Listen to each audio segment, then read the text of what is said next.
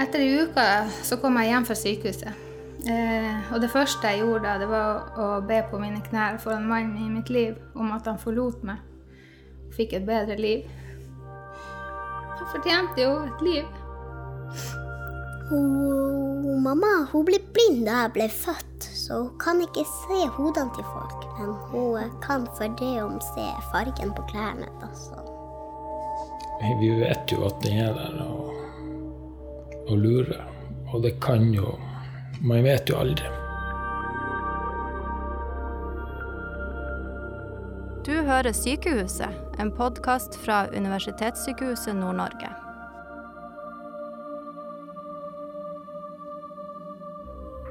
Hun smiler på nesten alle bildene, og hun trener.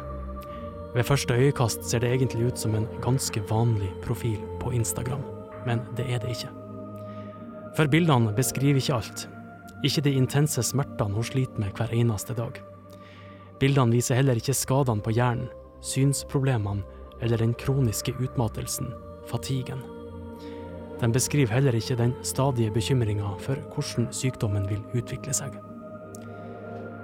Denne episoden av Sykehuset skal handle om MS, multippel sklerose.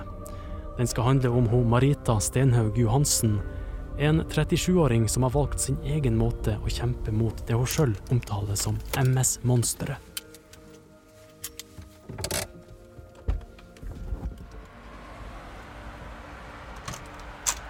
Hei, God dag. Hei. Hei, Bjørn. Marita. Hyggelig. Kom inn. Takk. Kan jeg stå her?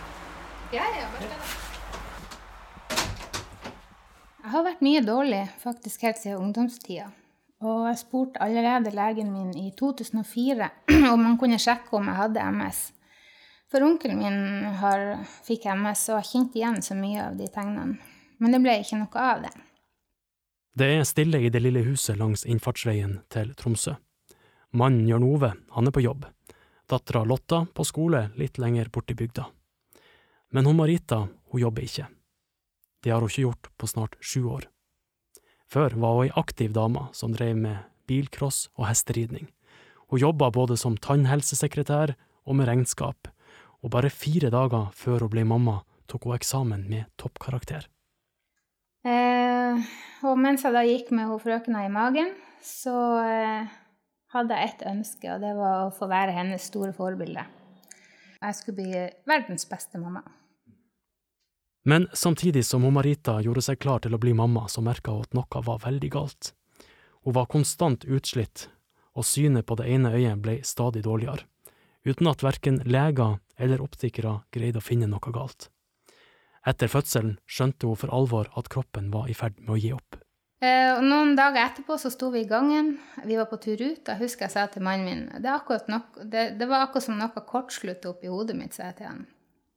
Og det er jo litt rart å tenke på, for det er jo det som skjer når man har et MS-attakk. Marita hun har den attakkvise formen for MS, den mest vanlige.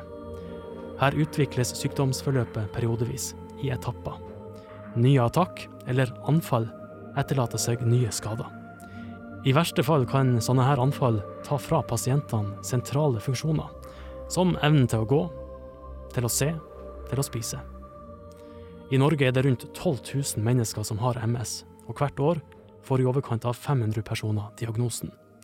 MS rammer i hovedsak personer mellom 20 og 40 år, og det er flest kvinner som får sykdommen. Han Stein Harald Johnsen han er spesialist i nevrologi ved Universitetssykehuset Nord-Norge, og han er legen til Marita. MS er en betennelsestilstand i hjernen og ryggmargen. Det vi kaller for sentralnervesystemet.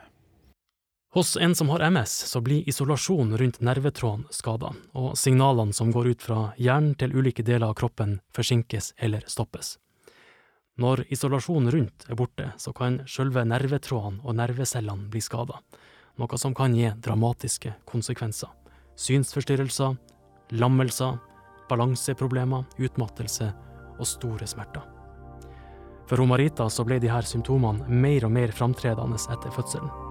Hun kunne nesten ikke se lenger, men greide likevel å gjennomføre et siste jobbintervju i 2012 før hun hasta rett til sykehuset.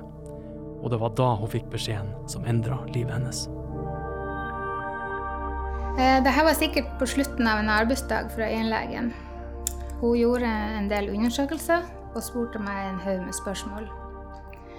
Og et av spørsmålene var om noen i familien hadde noen nevrologiske sykdommer. Og jeg må ærlig innrømme å si at jeg, jeg visste ikke hva det innebar. Eh, men så kom jeg på at onkelen min hadde MS. Øyenlegen hun studerte og mumla litt for seg sjøl, og så kom de ordene. Ja, Marita, du har mest sannsynlig MS, men det er jo ikke noe som haster, så du kan komme tilbake på mandag. Og jeg husker jeg tenkte hæ? Du kan jo ikke bare si det her og så sende meg hjem. Du kan jo gjette sjøl om jeg hadde ei god helg. det eneste som rulla i hodet mitt da, det var synen av onkelen min, som er fullstendig hjelpetrengende og helt spist opp av MS. Det tok noen dager før Marita for alvor skjønte hva legene egentlig hadde fortalt. Jeg tenkte veldig mye der jeg lå, og det er jo naturlig. Eh, og siden jeg var blind på det ene øyet, så, og synet var dårlig på det andre, så kom jo panikken igjen. Tenk om jeg ikke skulle få synet tilbake, og kanskje ble blind på det andre også. Så ble jeg vettskremt og lurte på kanskje jeg ikke ble å få se det mest dyrebare jeg hadde vokst opp. Skulle jeg ikke få være verdens beste mamma likevel? Og hvem har en krøpling som forbilde? Og hva med mannen min, da? Herregud, jeg syns så synd på han. Det var jo ikke det her han hadde sagt ja til. Eh, og hvor lang tid skulle det gå før jeg satt i rullestol sammen med onkel? Hvem skal mate meg? Hvem skal kle på meg? Hvem skulle skifte bleie på meg? Altså, jeg var så redd, og det var så ubeskrivelig vondt å tenke på. Eh, etter ei uke så kom jeg hjem fra sykehuset. Eh, og det første jeg gjorde da, det var å be på mine knær foran mannen i mitt liv om at han forlot meg og fikk et bedre liv. Han fortjente jo et liv.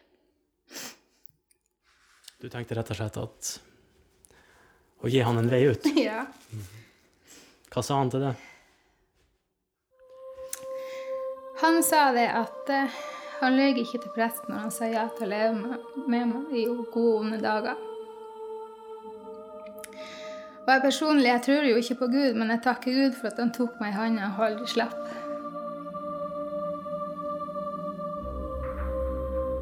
Det neste året var Marita innlagt på Universitetssykehuset Nord-Norge fem ganger.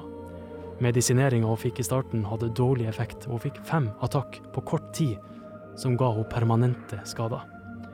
Hun ble stadig svakere, og hun trengte flere og flere hjelpemidler. Det ble for tungt å stå i dusjen, så hun fikk en dusjkrakk. Flaske og lokk greide hun ikke å åpne uten hjelp. Og til slutt så måtte hun ha krykke og rullestol, både manuell og elektrisk. Og midt oppi det hele så skulle hun prøve å være mamma til lille Lotta. De fleste som har unger, vet jo at det kan være krevende. Og da prøve å mestre en sånn ting i tillegg, det var Det var så ille at jeg tenkte også det at eh, hvis mannen min bare tar med seg dattera mi nå og kanskje finner en ny mamma som, som klarer å være mamma Og hun er så lita nå at hun blir ikke å huske meg. Det er så fælt å tenke på. Men som sagt så er jeg veldig glad for at han ikke gjorde det.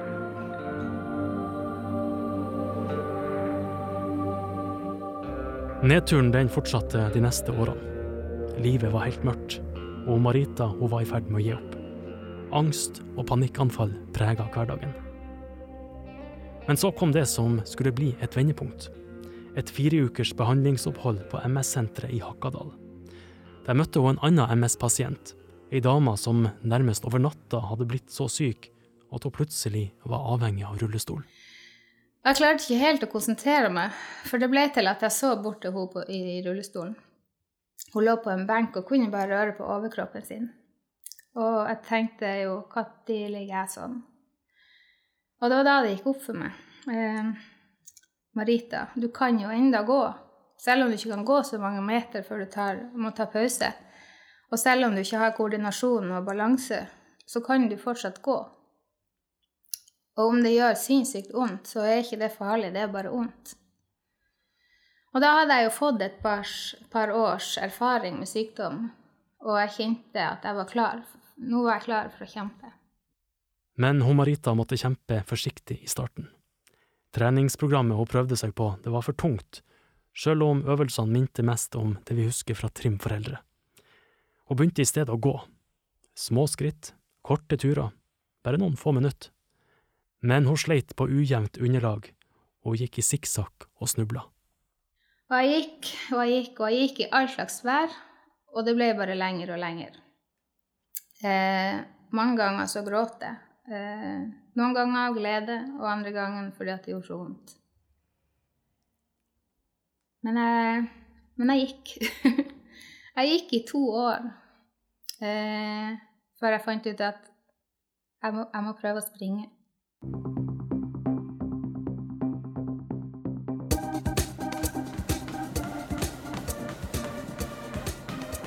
Gåing ble til springing. Distansen den ble stadig lengre. Hun meldte seg på løp. Fem kilometer, ti kilometer og halvmaraton. Hun gikk i fjellet, og deltok i terrengsykkelritt, og begynte å trene styrke. Vi har flytta oss opp til nabohuset, til kjelleren til svigerforeldrene.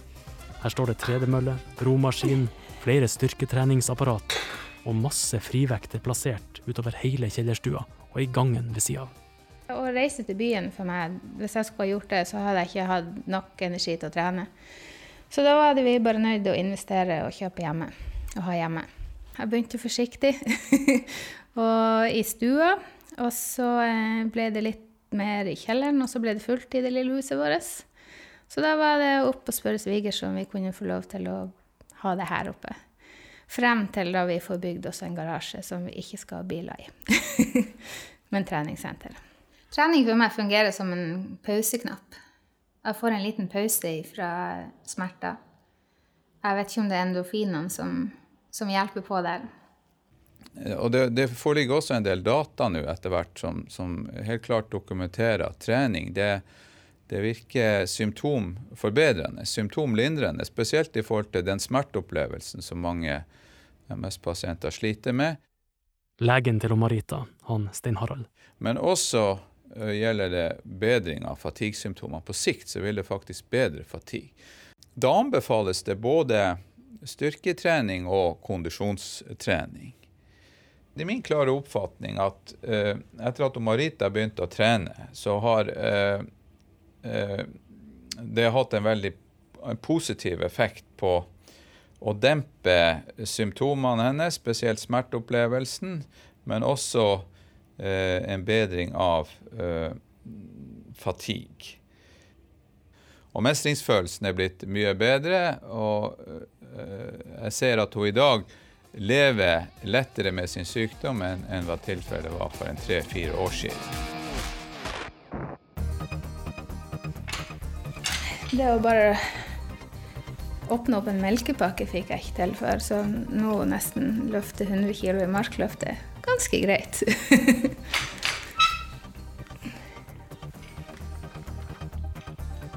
Systematisk og jevnlig trening har altså hjulpet for Marita sin del. Ikke alle vil ha samme mulighet til å kjempe på denne måten. Det kommer helt an på hvor skadene sitter. Også Marita har perioder der MS-monsteret tar sånn over at hun ikke greier å trene. Men for å øke muligheten til fysisk aktivitet, så har hun valgt å droppe medisiner mot muskelspasmer og nervesmerter. Dette betyr at hun har litt mer vondt enn hun hadde trengt å ha, men samtidig gjør det kroppen i bedre stand til å trene. Den eneste medisinen hun tar, er en medisin som hindrer at cellene som forårsaker betennelsen, kommer inn i hjernen. En gang i måneden får hun denne medisinen intravenøst på Universitetssykehuset Nord-Norge i Tromsø.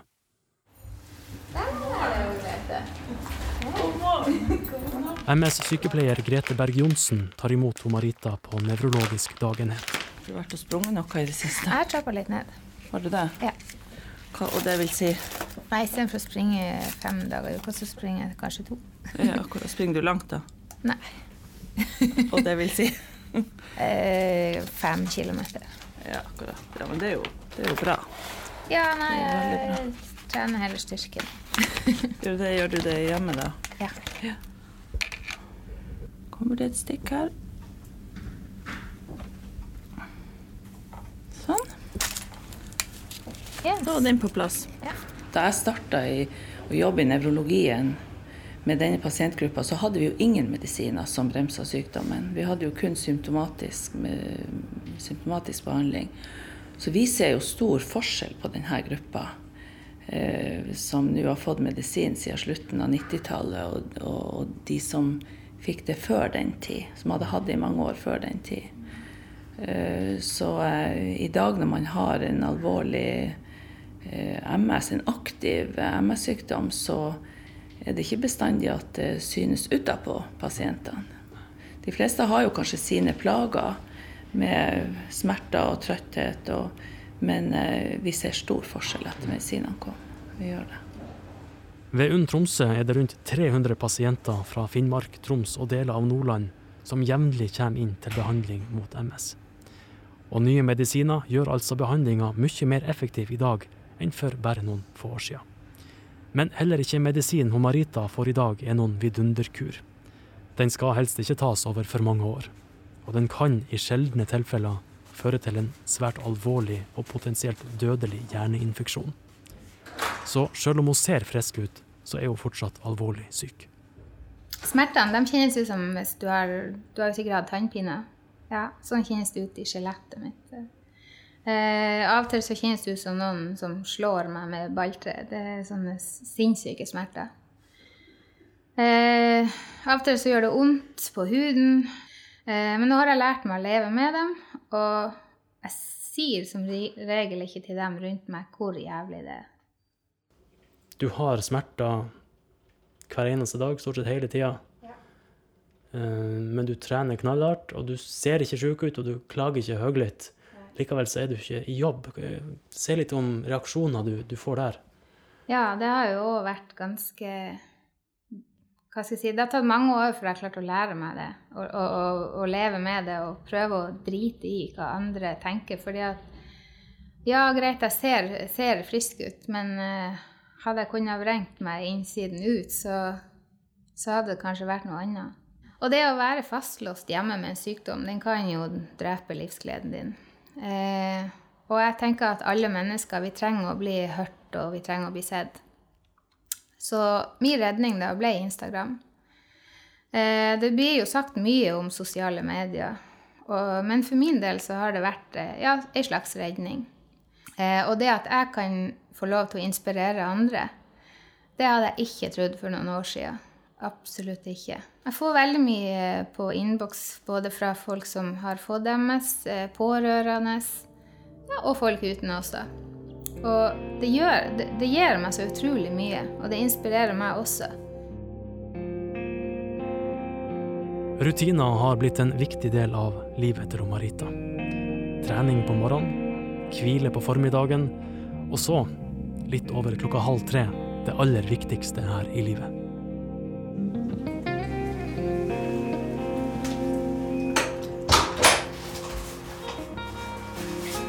Hei, Skatt. Hei. Har du hatt det fint? Ja. Så bra. Dattera Lotta på sju kommer hjem fra skolen.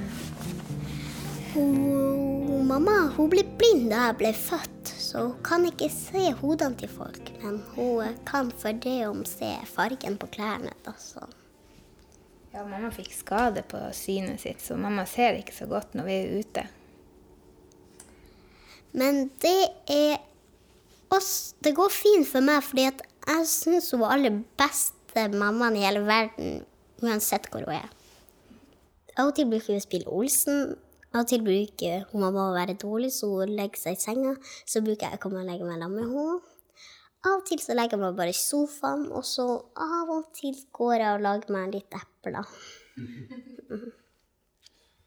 Så når du ligger og sover, så kommer hun og legger seg inn til deg? Det er veldig koselig. Så bruker hun ligge og synge til mammaen sin. og Ligge og prate, bare.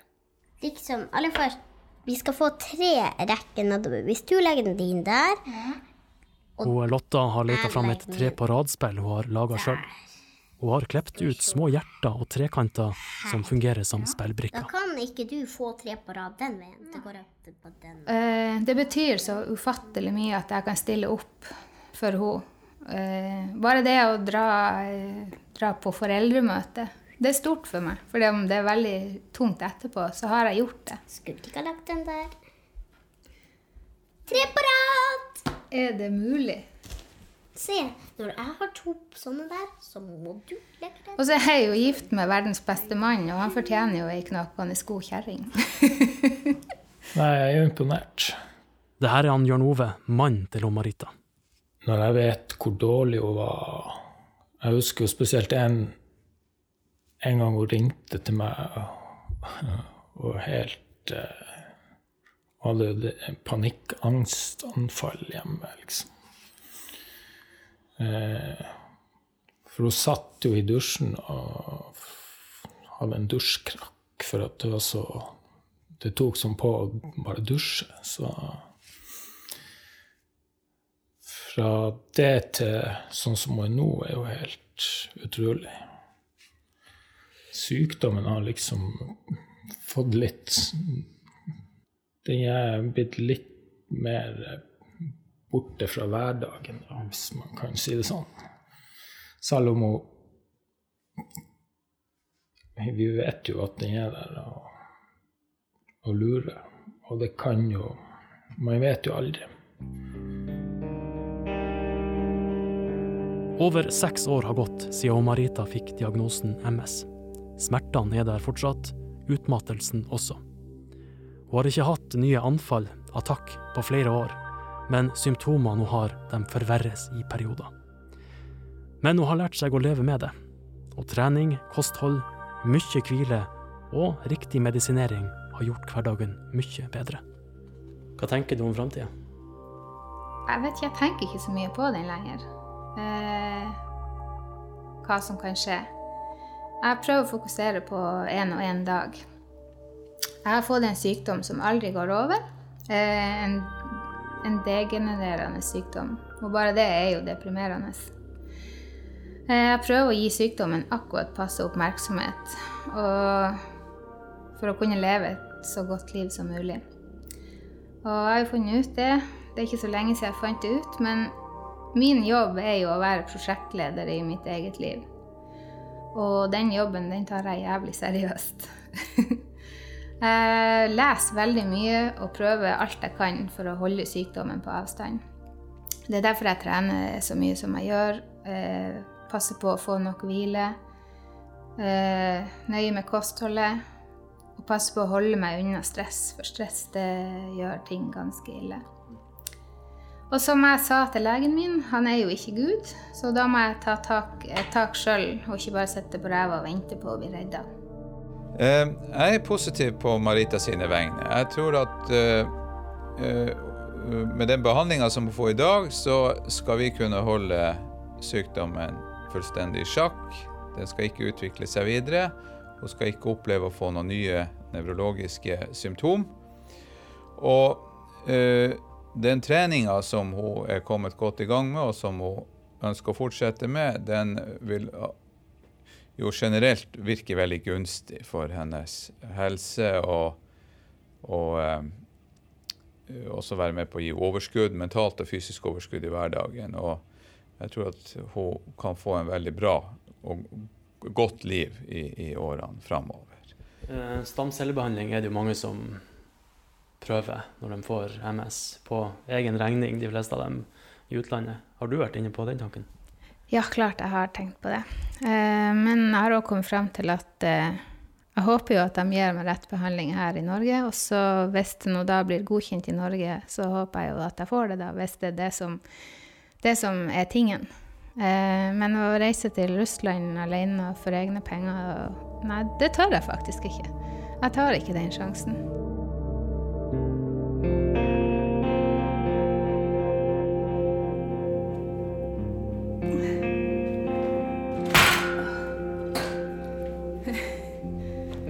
Hvor sterk skal du bli? Nei, à la Pippi Langstrømpe, tenker jeg.